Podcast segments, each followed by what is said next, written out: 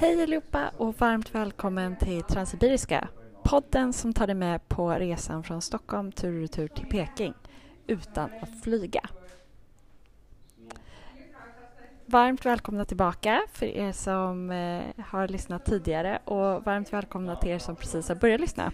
Det här är eh, första avsnittet med, om, om en stad eller någonting som har hänt på resan. Så det ska bli jättekul eh, att få ta med er på det här. Och om du är ny så eh, glöm inte att följa podden. Det är jättesmidigt för då ser du när eh, nya avsnitt kommer ut och det vill du göra, och speciellt nu för det är nu resan händer. Så det är extra kul att följa med i realtid. Och för er som känner er som lite mer modiga poddlyssnare, jag skulle tipsa er om att klicka på länken som finns i den här beskrivningen eh, till avsnittet. Och där finns det en länk till Anchor. Och om ni klickar där så borde ni komma så att ni kan eh, skicka ett röstmeddelande eller en kommentar eller ja, ni kan skicka egentligen vad som helst men det kommer komma i, i form av ett ljudmeddelande till mig. Och det är jättekul för då kan jag väldigt, väldigt lätt dra in det i podden och sen så kan vi ha det som ett nytt format. Så testa, testa eh, så ser vi hur det går. Ja, och i dagens avsnitt är det fullt fokus på Helsingfors eh, och här kommer du få svar på frågor som du troligtvis inte visste att du hade. Eh, till exempel, hur täcker man bäst en rysk kyrka från att synas? Och två, vad är Finlands otippade take på kanelbullen?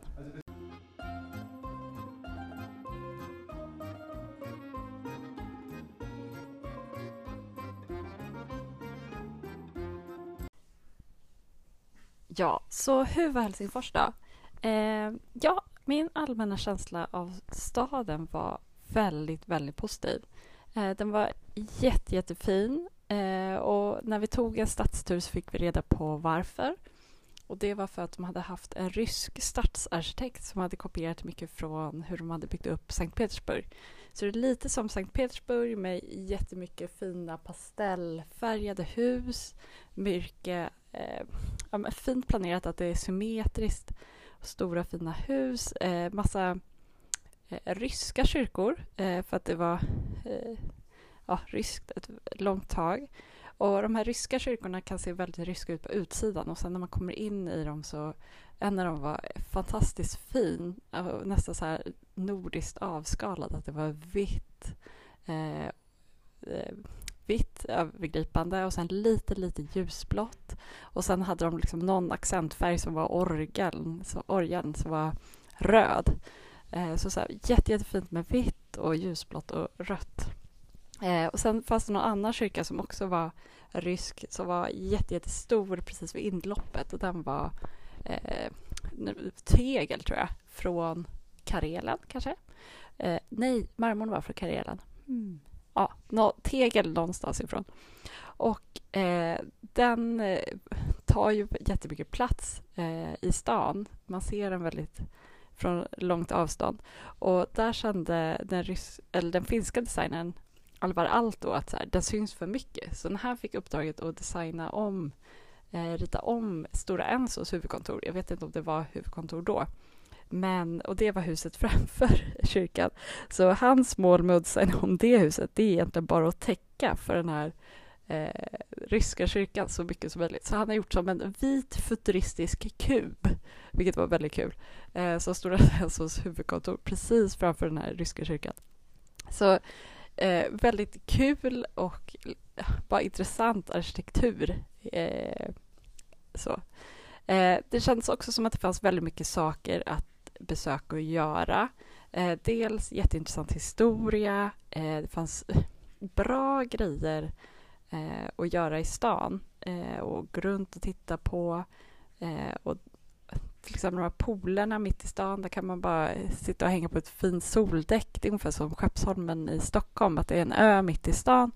Men istället för att inte göra någonting av det, tänkte jag säga, så har de gjort eh, jättestort soldäck och också tre pooler. Så två uppvärmda och en eh, med havsvatten mitt, mitt i stan och jättestort så att alla liksom kan hänga där. Eh, så det kändes väldigt, ja men det var väldigt fint. Eh, och det känns som att man bara kunde åka runt i stan med spårvagnen och se allt, allt det fina. Eller ta en liten båt ut. Det är ju ungefär som Stockholm, att det ligger på öar. Så ta en båt ut och, och se något historiskt ute på någon ö. Eh, så ja, det är så här, fin arkitektur, sen jättemycket roliga grejer att göra. Eh, maten var sådär. Eh, eller vi testade egentligen bara en grej som var så klassiskt finskt, eh, finsk rätt och det var en laxsoppa och den, ja, de måste ha missat att eh, ha kryddor tror jag.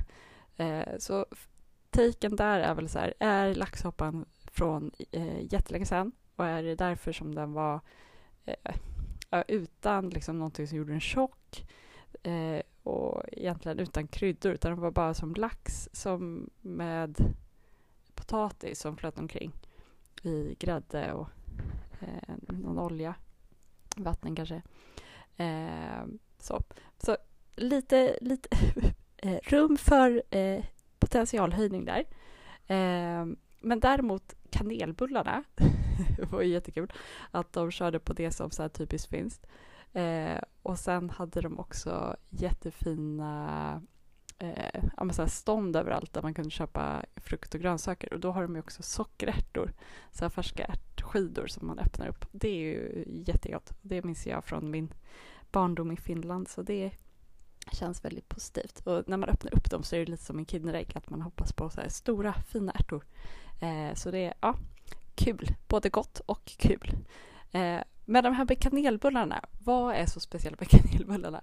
Eh, det är att de eh, har inte samma form som de svenska kanelbullarna. Jag gissar att det är precis samma recept för att göra dem. Men eh, deras kanelbullar är som gifflar, så de är liksom lindade på höjden istället och sen lite tillplattade. Så det är som en superstor giffel. Så det känns ju känns lite kul. Kul, sådär, om man tycker det är sånt är skoj. Eh, och sen sista liksom, känslan som jag fick, det var att det var väldigt avslappnat. Eh, det känns som folk var glada eh, och ja, avslappnade. Det var inte helt lätt att prata svenska, utan folk blev lite förlägna. Men det blev liksom inte en tryckt stämning. Så. Eh, och det här med gladheten, det vet jag inte om det har att göra med att de nu blev... Eh, de blev eh, inte nominerade, men eh, i forskningen visar att de var lyckligaste folket i världen. Så nu ännu lyckligare än danskarna. Så jag vet inte om det blir någon så här självuppfyllande profetia där, men de kändes väldigt glada och trevliga. Så det är kul, kul för dem. Eh, ja, så det var väl lite kort och gott om eh, Helsingfors. Så övergripande var känslan jätte, jättebra.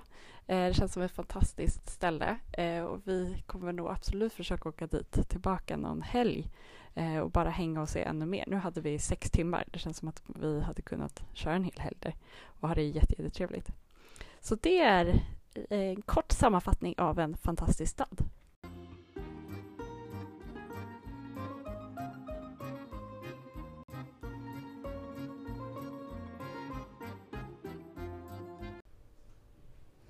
Ja, och det var avsnittet för idag. Eh, jag har försökt mig på eh, konststycket att säga hej då på massa språk i första avsnittet. Men jag tänkte att istället för att jag ska hålla på med de här eh, så har jag istället hittat en finsk person som eh, kan säga hej då på finska. Håll till godo så hörs vi snart igen. Hej då! Hyvästi.